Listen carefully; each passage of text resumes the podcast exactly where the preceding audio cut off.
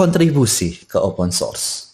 Itu kunci utama karir saya kontribusi ke open source. Saya bisa diterima di salah satu agensi yang uh, internasional bisa distributed bisa work from home bisa nangani klien-klien gede. Itu juga karena kontribusi saya ke open source.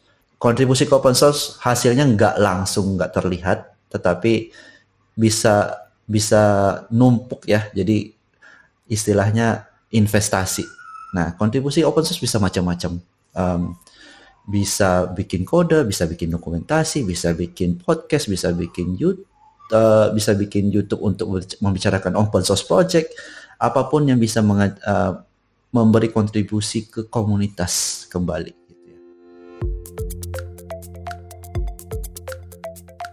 Selamat datang di Ceritanya Developer, podcast yang menampilkan developer, programmer, atau engineer Indonesia inspiratif yang tersebar di seluruh dunia. Bersama saya Riza, kita akan menggali bagaimana mereka berjuang, suka dukanya dalam perjalanan karir, hingga kesalahan konyol saat ngoding. Podcast ini diproduksi oleh Deep Tech Foundation, sebuah startup non-profit yang punya misi menyetarakan talenta digital di Indonesia.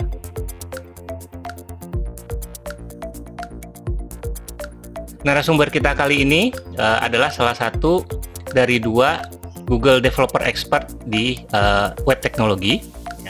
Dan pernah juga menjadi co-founder dari satu perusahaan startup dan sekarang bekerja secara remote dari uh, Jakarta ya, sebagai uh, senior engineer di HumanMed dan juga salah satu kontributor uh, open source yang besar, yang cukup besar, uh, yaitu WordPress. Ya, kita langsung sambut aja uh, Ivan Kristianto.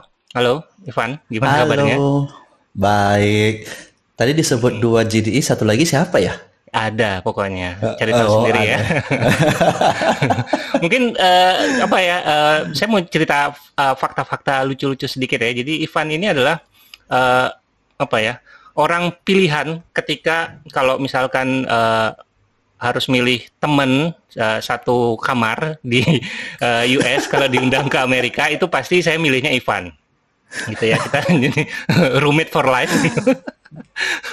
Karena uh, ya itu karena uh, untuk web teknologi cuma ada dua ya uh, apa uh, dari Indonesia dan belum nambah lagi ya dibandingkan uh, GDE Android untuk ada tiga ya. Android, Android ada tiga cloud udah banyak banget gitu ya. ya. Ada Flutter juga, udah banyak ya, tapi web belum nambah-nambah sampai sekarang. Ya, kalau ada yang mau tertarik, hubungi Mas Riza. Oke, oke. Okay, okay. Sekarang kita nggak akan cerita tentang itu, tapi kita akan cerita tentang uh, gimana uh, awalnya Ivan tertarik belajar ngoding. Waduh, uh, tertarik belajar ngoding ya. Udah lama banget nih. Kalau bisa dibilang sih Uh, kita bisa flashback ke tahun 90-an kali ya. Waktu itu bokap saya beli komputer masih waktu itu masih Intel 486 ya. Jadi belum belum zamannya Pentium ya, masih Intel 486. Waktu itu belum ada Windows ya. Ya, belum ada Windows, jadi masih pakai DOS dan uh, kalau bisa dibilang bokap saya tuh kayak aktivis teknologi kayak zaman sekarang ya. Kalau zaman sekarang kita udah ada aktivis, tapi zaman dulu itu bokap saya termasuk salah satu yang update dengan teknologi. Dan bayangkan kita tuh tinggal di kota kecil loh, bukan kota besar, bukan di mana? Di mana? Jadi di Sibolga. Sibolga. Sibolga Sumatera Utara. Sumatera ya. Utara. Ya kota kecil. Jadi bagi kayak bokap saya tuh untuk bisa update dengan teknologi dan mencoba membeli komputer. Di kota kecil itu baru sekarang saya nyadar oh wah wah banget ya gitu ya. Sama kayak mungkin kalau zaman orang sekarang uh, mencoba Starlink maybe ya. Jadi kayak update dengan latest teknologi. Nah pakai DOS dan waktu itu masih pakai program-programnya ya kayak Lotus 123 Quick Pro QBasic dan itu kan masih serba serba typing typing ya. Belum uh, dan di situ saya belajar uh, banyak pakai ya bagaimana bikin kolom Excel zaman dulu itu ya pakai Lotus dan menarik. Dan tentunya main game DOS ya main game DOS Prince of Persia contohnya. Lalu tapi kalau untuk yang mulai belajar ngoding yang yang serius itu waktu kuliah IT tentunya. Uh, waktu itu setelah lulus SMA, kuliah IT di Jogja dan belajar ngoding mulai dari Pascal, C++, uh, Java itu di kuliah. Oke, dulu pilih jurusan IT di Jogja itu uh, berdasarkan apa? Uh, berdasarkan peminatan ya. Waktu itu saya pilihannya dua antara jadi dokter atau jadi uh, belajar komputer IT lah bahasa zaman itu IT deh IT komputer gitu ya. Dan ibu saya nggak setuju saya jadi dokter. Jadi pilihannya jadi IT kenapa nggak setuju? Um, di pandangan ibu saya itu dokter itu hidupnya susah. Pandangan ibu saya ya pandangan ibu saya. Meskipun akhirnya istri saya dokter juga sih. Uh, dan uh, karena hidupnya lebih bersangkutan dengan hidup orang lain dan directly ya maksudnya ya. Dan kalau ada emergency ya digedor-gedor orang tiap malam. Uh, bukan tiap malam. Di bisa nggak nggak tentu waktu kalau ada emergency harus bisa melayani uh, pasien. Jadi uh, dan komputer saat itu juga mulai trending ya. Dan akhirnya saya pilih komputer IT lah bahasa simpelnya. Nah itu kan berarti benar-benar belajar itu waktu baru pertama kali kuliah gitu ya masuk kuliah. Betul. Baru SMA nggak ada belajar. programming sama sekali ya? Uh, nggak ada. Jadi gak SMA ada. saya itu wah namanya juga SMA di kota kecil ya. Jadi hmm. komputer itu lab komputer nggak ada. Hmm. Dan baru ada saat saya di kelas 3 SMA dan itu gurunya pun hanya mengajarkan ya pakai Microsoft Paint, yeah. Microsoft Word, bikin hmm. word art dan sebagainya hmm. macam lainnya. Jadi nggak ada ada, ada bersinggungan dengan programming. Oke, okay, jadi dari SMA mulai apa dari kecil sampai SMA di kota kecil, kuliah pindah ke kota yang lumayan besar ya Jogja ya? Terus habis ya, itu uh, dapat exposure programming itu waktu itu rasanya gimana perasaannya? Um, wah, perasaannya unik. Nano-nano campur aduk, uh, pusing iya, menyenangkan iya. Uh, tapi so far ketagihan sih. Kalau diingat sih awal-awalnya stres sih. Awal-awalnya puyeng juga sih untuk mengetahui konsep berpikir programming.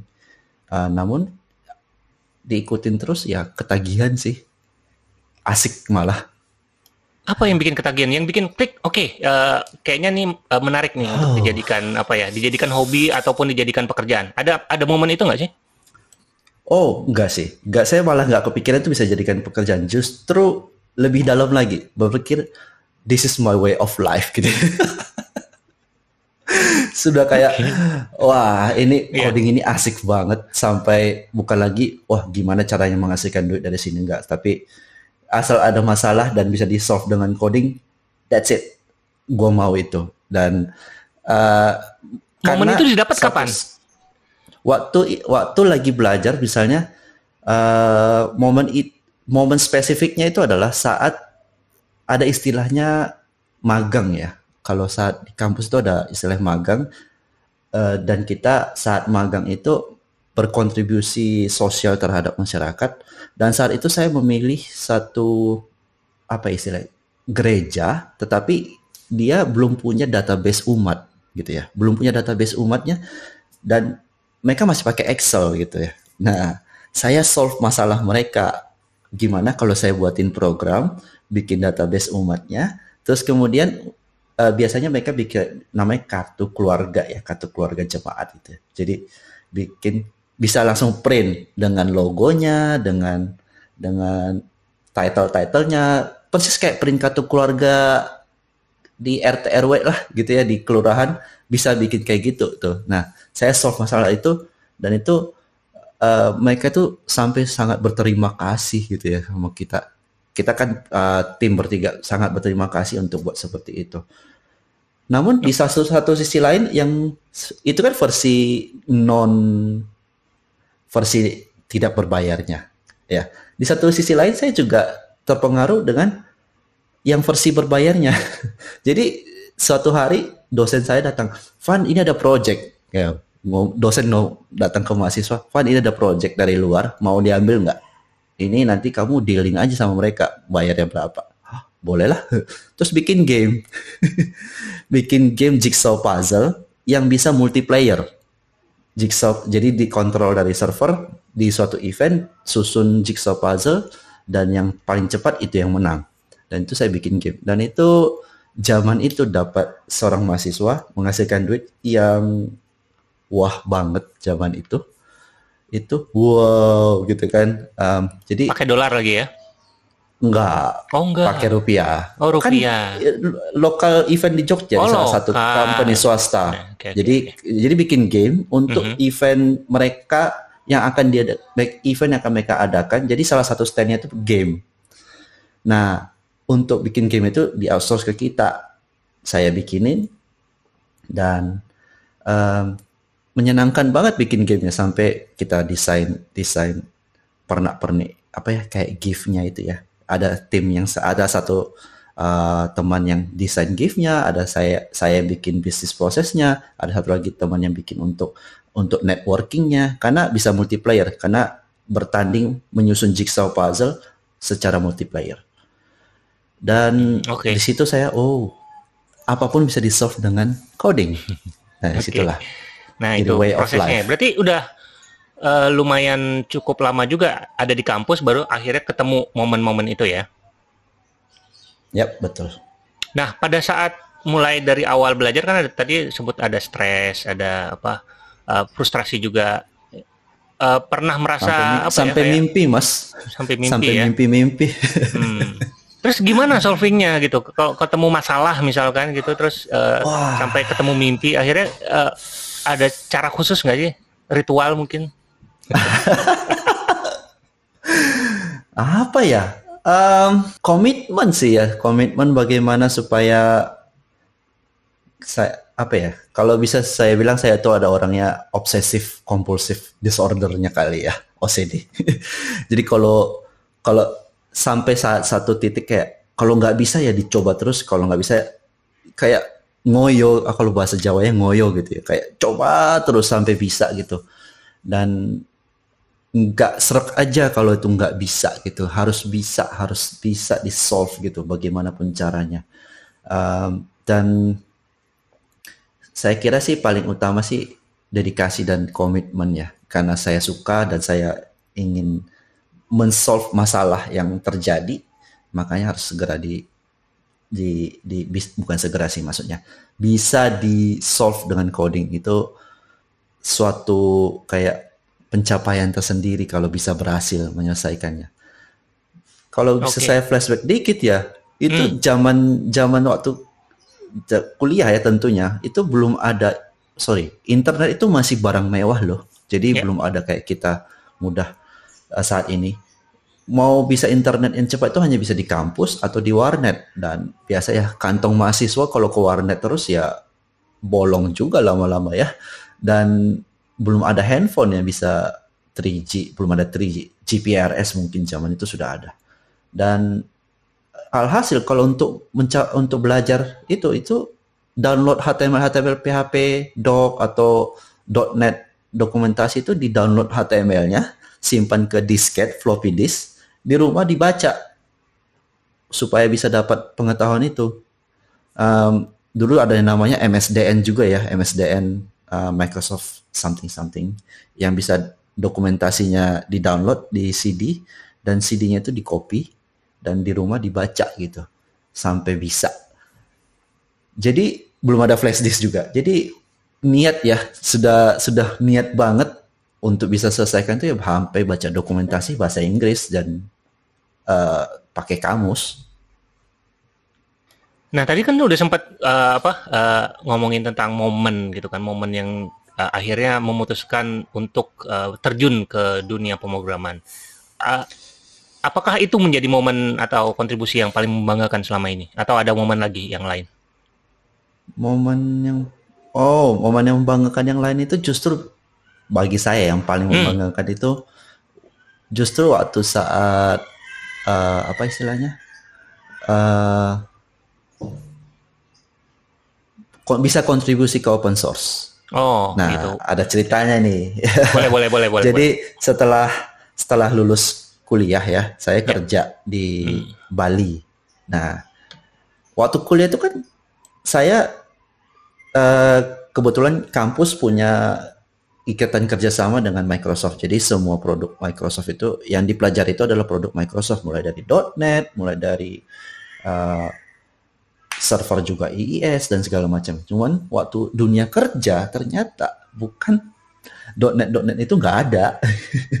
Jadi mulai lagi dari awal. Jadi belajar Linux, belajar open source dan kebutuhannya saat itu uh, saya saya merantau ke Bali ya nggak tahu apa-apa merantau ke Bali dari kerja ternyata dapat dan perusahaan keluarga yang tempat saya bekerja ini punya market di luar negeri jadi jadi saya harus belajar itu yang namanya WHMC panel, terus kemudian administrasi Linux, terus mereka lagi membangun kenapa mereka hire saya? Karena lagi membangun uh, e-commerce zaman itu tahun 2007 e-commerce dan dan saat itu pakainya OS Commerce. Ya itu udah lampau banget ya OS Commerce PHP open source OS Commerce uh, setelah upgrade upgrade beberapa cycle akhirnya uh, pakainya Zencard. Zencard itu forking dari OS Commerce. Nah, di Zencard ini ada beberapa fitur yang menurut saya kurang. Terus akhirnya saya buatin modul. Pertama kali saya kontribusi open source, saya buatin modul dari Zencard dan saya publish di extensionnya Zencard. Dan karena uh, modul itu sangat basic ya, maksudnya mensolve kebutuhan basic dari sebuah e-commerce platform yang download itu banyak banget dan menjadi trending saat itu. Dan itu momen yang membuat saya happy banget ya. Wow, uh, lagi apa modul saya banyak banget yang download terus kemudian happy dan banyak mereka yang happy dan berterima kasih. Dan somehow di next cycle saya cantumkan uh, PayPal button untuk donate. Eh, ya nggak banyak, tetapi ada loh yang donate beberapa kali dan wow gitu. Ternyata uh, bikin ginian aja um, bisa bantu banyak orang. Jadi intinya sih momen yang membanggakan bagi saya itu bisa bantu banyak orang melalui open source contribution. Dan mungkin itu juga yang apa yang menjadi uh, landasan untuk uh, selanjutnya Mas Ivan um, kontribusi juga ke salah satu ini ya uh, pro project open source yang besar ya uh, WordPress ya. Iya, iya betul. Hmm. Itu okay. sempat dari open source contribution itu eh ternyata ya sudah kembali lagi jadi way of life. Jadi kayak hmm. open source itu udah jadi way of life. Jadi kayak apa-apa open source dan kalau misalnya udah bikin sesuatu, contribute lagi aja ke open source. Karena udah mendapatkan benefitnya di awal gitu ya. Mm -mm. Hmm, Oke. Okay. Nah kalau momen yang memalukan, aduh, Pernah apa ya? um, uh, momen yang memalukan atau uh, momen cerita, yang bikin cerita lucu lah, cerita-cerita lucu yang bikin stres apa gitu. Bikin yang bikin stres ada, ada beberapa kali ada sih ya dia uh, saya pernah membuat saya pernah ngedeploy di hari Jumat Oke, okay. itu pantangan uh, sekali ya. iya, itu Terus? I well I learn I learn a lot. Jadi saya banyak belajar um, dan sekarang kayak punya moto no deployment on Friday mau gimana pun dipaksa saya nggak mau. Kalau mau saya siapin semua, lo yang pencet buttonnya, gue nggak mau. ya, jadi no deploy. Jadi waktu itu ceritanya uh, saya mungkin sudah lelah banget, sudah udah tengah malam ya. Jadi di tempat saya bekerja itu uh, time zone-nya kan US ya. Jadi sudah jam 2 pagi atau jam 1 pagi itu saya udah kelar dan kliennya maksa ini harus deploy karena kalau di deploy di hari Senin kita kita lose lose money gitu ya istilahnya gitu ya. Um, akhirnya ya udahlah deploy, pum.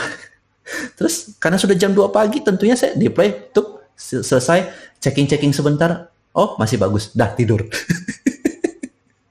ternyata, oh ternyata um, yang saya lihat saat saya deploy itu adalah yang masih halaman cage, jadi fine fine aja. ternyata uh, sejam atau dua jam kemudian ads-nya hilang semua mas. Justru jadi tadinya memperbaiki ads malah ads-nya hilang semua.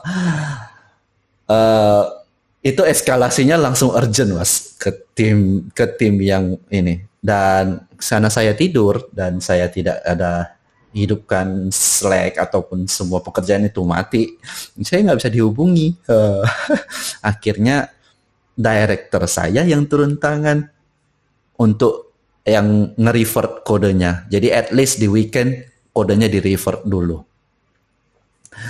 Dan okay. saya Senin, hari Seninnya di nggak disalahin, uh, no blaming, uh, cuman ada kayak istilahnya uh, retrospektif ya, retrospektif kenapa itu terjadi. Hmm. Dan salah satunya saya bilang, um, saya sudah capek, saya lelah dan itu sudah hari Jumat dan ya diterima dan kliennya juga terima karena yang mengizinkan ya lampu hijau kan juga kliennya kan ya. Tapi ya cukup memalukan deh uh, dan nggak kebayang teman saya yang director saya yang turun tangan untuk mulai itu kan stres banget ya kayak eskalasi urgent itu berarti ibaratnya lima menit harus uh, mata ke situ dan jadi mulai dari PM-nya turun tangan, direkturnya turun tangan, uh, AE ya, account eksekutifnya, salesnya lah ya, account eksekutifnya turun tangan untuk ngelihat, untuk mastiin itu backup again gitu ya. Um, ya cukup malu sih, cuman uh, stres juga. Tapi akhirnya saya belajar dan momen itu salah satu big moment. No deployment on Friday Okay. Kalau mau maksa saya juga terserah lo. Uh, ini buttonnya lo yang pencet, gue tidur.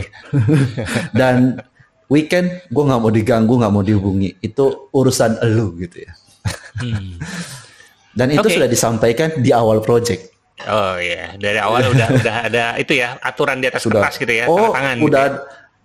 Jadi kita kan ada dokumentasi engineering ini ya, yang yang di share juga ke klien. Dan itu sudah kayak satu section sendiri di bold dan kayak kasih kayak di bold dan ada sectionnya dan itu sudah harus dimengerti semua orang. Kalau saya yang pegang project itu. Oke, oke, okay, seru ya. Nah, uh, kalau boleh di share nih, uh, saat ini lagi ngerjain project apa sih? Uh, boleh sih. Uh, saya saat ini sedang terlibat di project salah satu bank terbesar di UK uh, dan skalanya inter internasional, skalanya enterprise juga. Ada juga sih cabangnya di Indonesia. Uh, namanya Standard Chartered. Dan um, bisa di-share mungkin teknologi yang digunakan sedang di, uh, untuk proyek ini? WordPress, yay.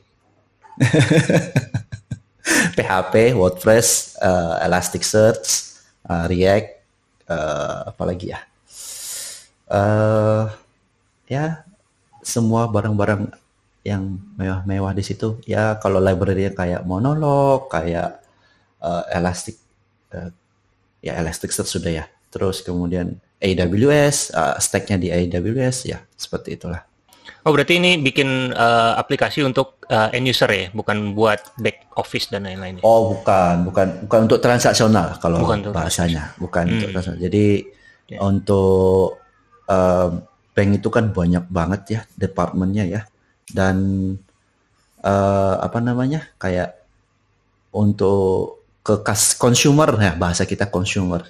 Ke consumernya kan mereka juga harus ada informasi.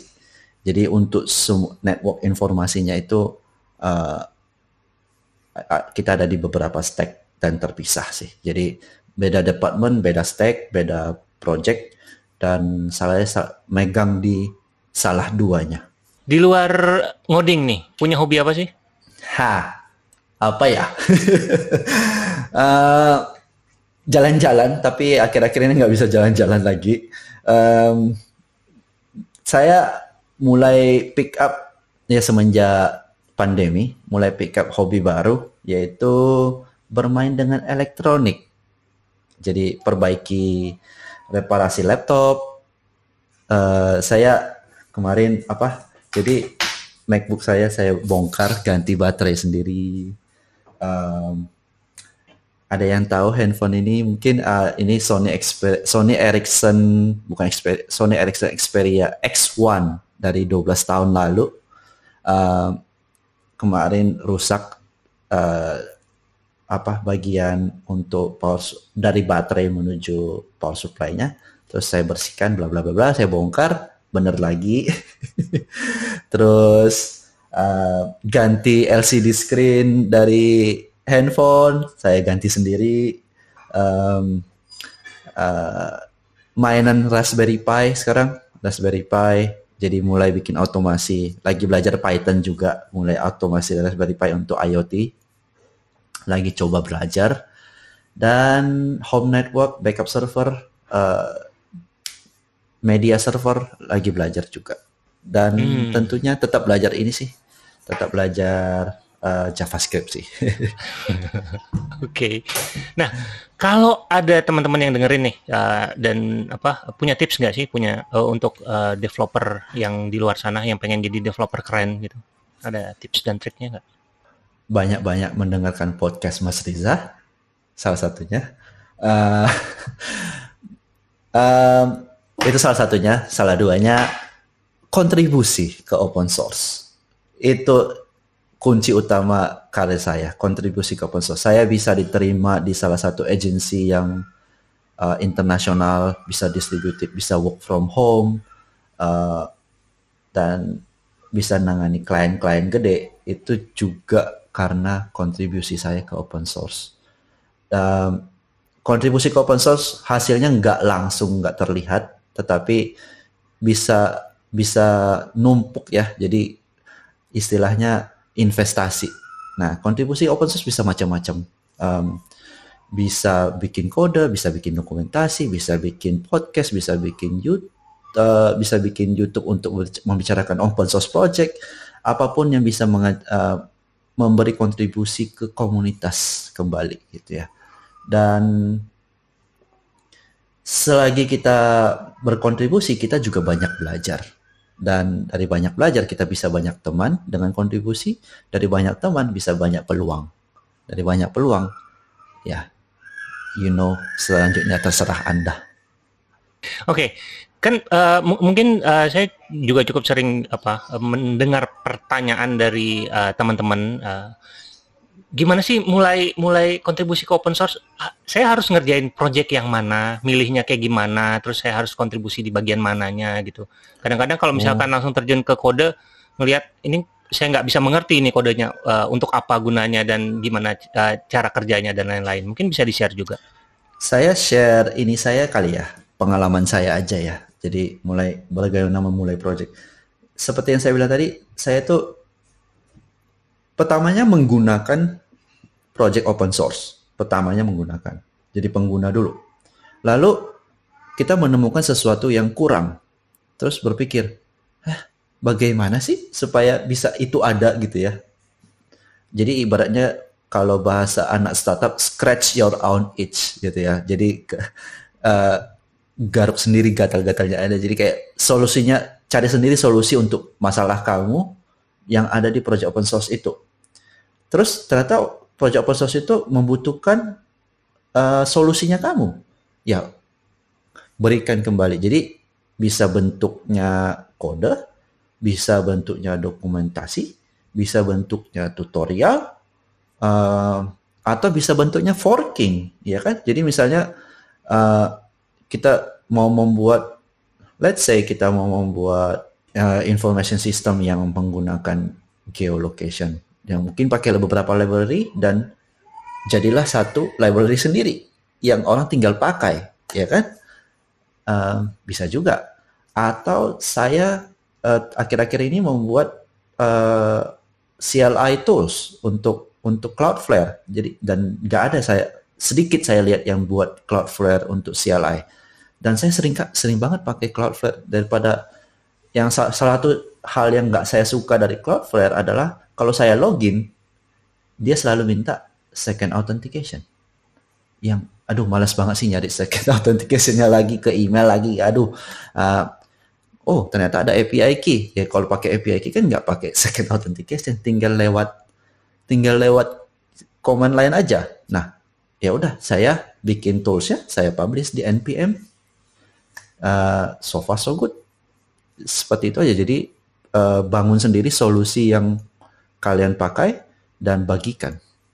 Jadi sebenarnya intinya kalau mau kontribusi ke open source ya kontribusilah ke project yang kita pakai sehari-hari gitu ya. Iya, lebih mudah. Lebih Pasti mudah lebih karena mudah. kita Iya, karena kita udah udah tahu cara kerjanya setidaknya gitu ya. Iya. Udah betul. tahu cara pakainya gitu ya. Cara cara pakainya, cara-cara kerjanya dan cara. apa masalahnya kan kita tahu. Hmm, ya kalau misalnya sehari-hari pakai React ya mungkin bisa mulai kontribusi dari React. Tapi juga kontribusi nggak hanya tadi seperti yang Ivan bilang ya, nggak hanya dari kode, bisa uh, translate dokumentasi, uh, yes. bisa bikin tutorial ya kan? Dan lain-lain. Jadi uh, banyak Atau hal yang bisa, bisa kita... bisa contohnya gini kayak to do list dengan menggunakan React kan banyak tuh yang bisa pakai uh, WebSocket juga ya to do list. Uh, ya udah publish aja satu to do list kalian yang pakai React dan siapa tahu ada yang pakai, siapa tahu ada yang kembangkan gitu. Dan salah satu apa uh, ciri khas developer biasanya kan malas bikin dokumentasi kan.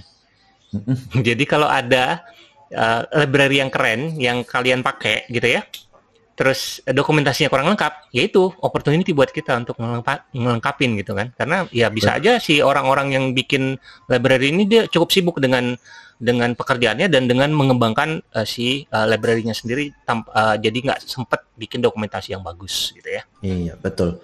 Salah satu hal lagi yang saya perlu saya sampaikan adalah jangan merasa terintimidasi ya jangan merasa terintimidasi baru mau mulai aja kayak itu wah itu React sudah terintimidasi dengan nama besar Enggak kok orang-orang di belakang itu sama kayak kita kok uh, dan orang-orang di belakang itu juga bukan berarti orang-orang super yang tahu segalanya ya uh, baru saja saya lihat Twitter Ilya Mas Ilya Mas Ilya Grigorik ya kan Ilya, Mas Ilya Mr. Ilya Grigorik itu dia menanyakan di Twitternya ada nggak sih yang bisa bagikan resource GraphQL gitu ya? Ada lihat ya ya? Nah, saya oh saya saya sendiri udah tahu GraphQL dari kapan tahun itu ya. Si Ma Ilya sendiri itu dia sudah orang lama di Google dan sudah berkecimpung dengan web ekosistem cukup lama, tapi dia masih baru mau mulai ingin tahu tentang GraphQL dan menanyakan resources untuk GraphQL. Jadi jangan terintimidasi dengan nama-nama besar atau terintimidasi dengan proyek-proyek besar. Orang-orang di belakang itu tidak tahu segalanya kok. Mereka tahu banyak dengan apa yang mereka kerjakan, tetapi bukan tahu segalanya. Jadi mereka masih manusia kok. Nggak perlu merasa Dan, terintimidasi. Iya betul. Dan ke, kalau nggak salah setiap akhir tahun tuh Dan Abramov juga sering uh, mengeluarkan list saya ingat saya tuh tahun lalu dia sempat ngeluarin list bahwa dia tidak tahu sama sekali tentang Docker. Ah. Padahal ya, ya istilahnya dia selebriti gitu kan kalau di dunia pemrograman ya. Kayaknya siapa sih yang nggak tahu Padahal Docker? Kita gitu. anggapannya wah ya, Pak seorang dan Abram mungkin tahu segalanya ya kan hmm, ternyata kita betul. bisa salah juga. Hmm, nah, ya. Jadi oke okay, oke okay. tips yang menarik. Sekarang gimana kalau ada teman-teman yang dengar mau ngobrol langsung atau uh, ya keep in touch lah dengan Ivan? Uh, sosial media yang paling aktif di mana? Saya aktif di Twitter. Twitter. Uh, tapi jadi pembaca tapi tapi ada saya suka baca uh, apa balas lewat DM juga ya Twitter mm -hmm. di ivankris.com atau ya main-main aja. Kalau di Facebook saya aktifnya hanya di grup WordPress Indonesia, kom okay, uh, di grup WordPress Indonesia dan saya aktif di sana. Kalau GitHub uh, ya kunjungi aja Ivan .com.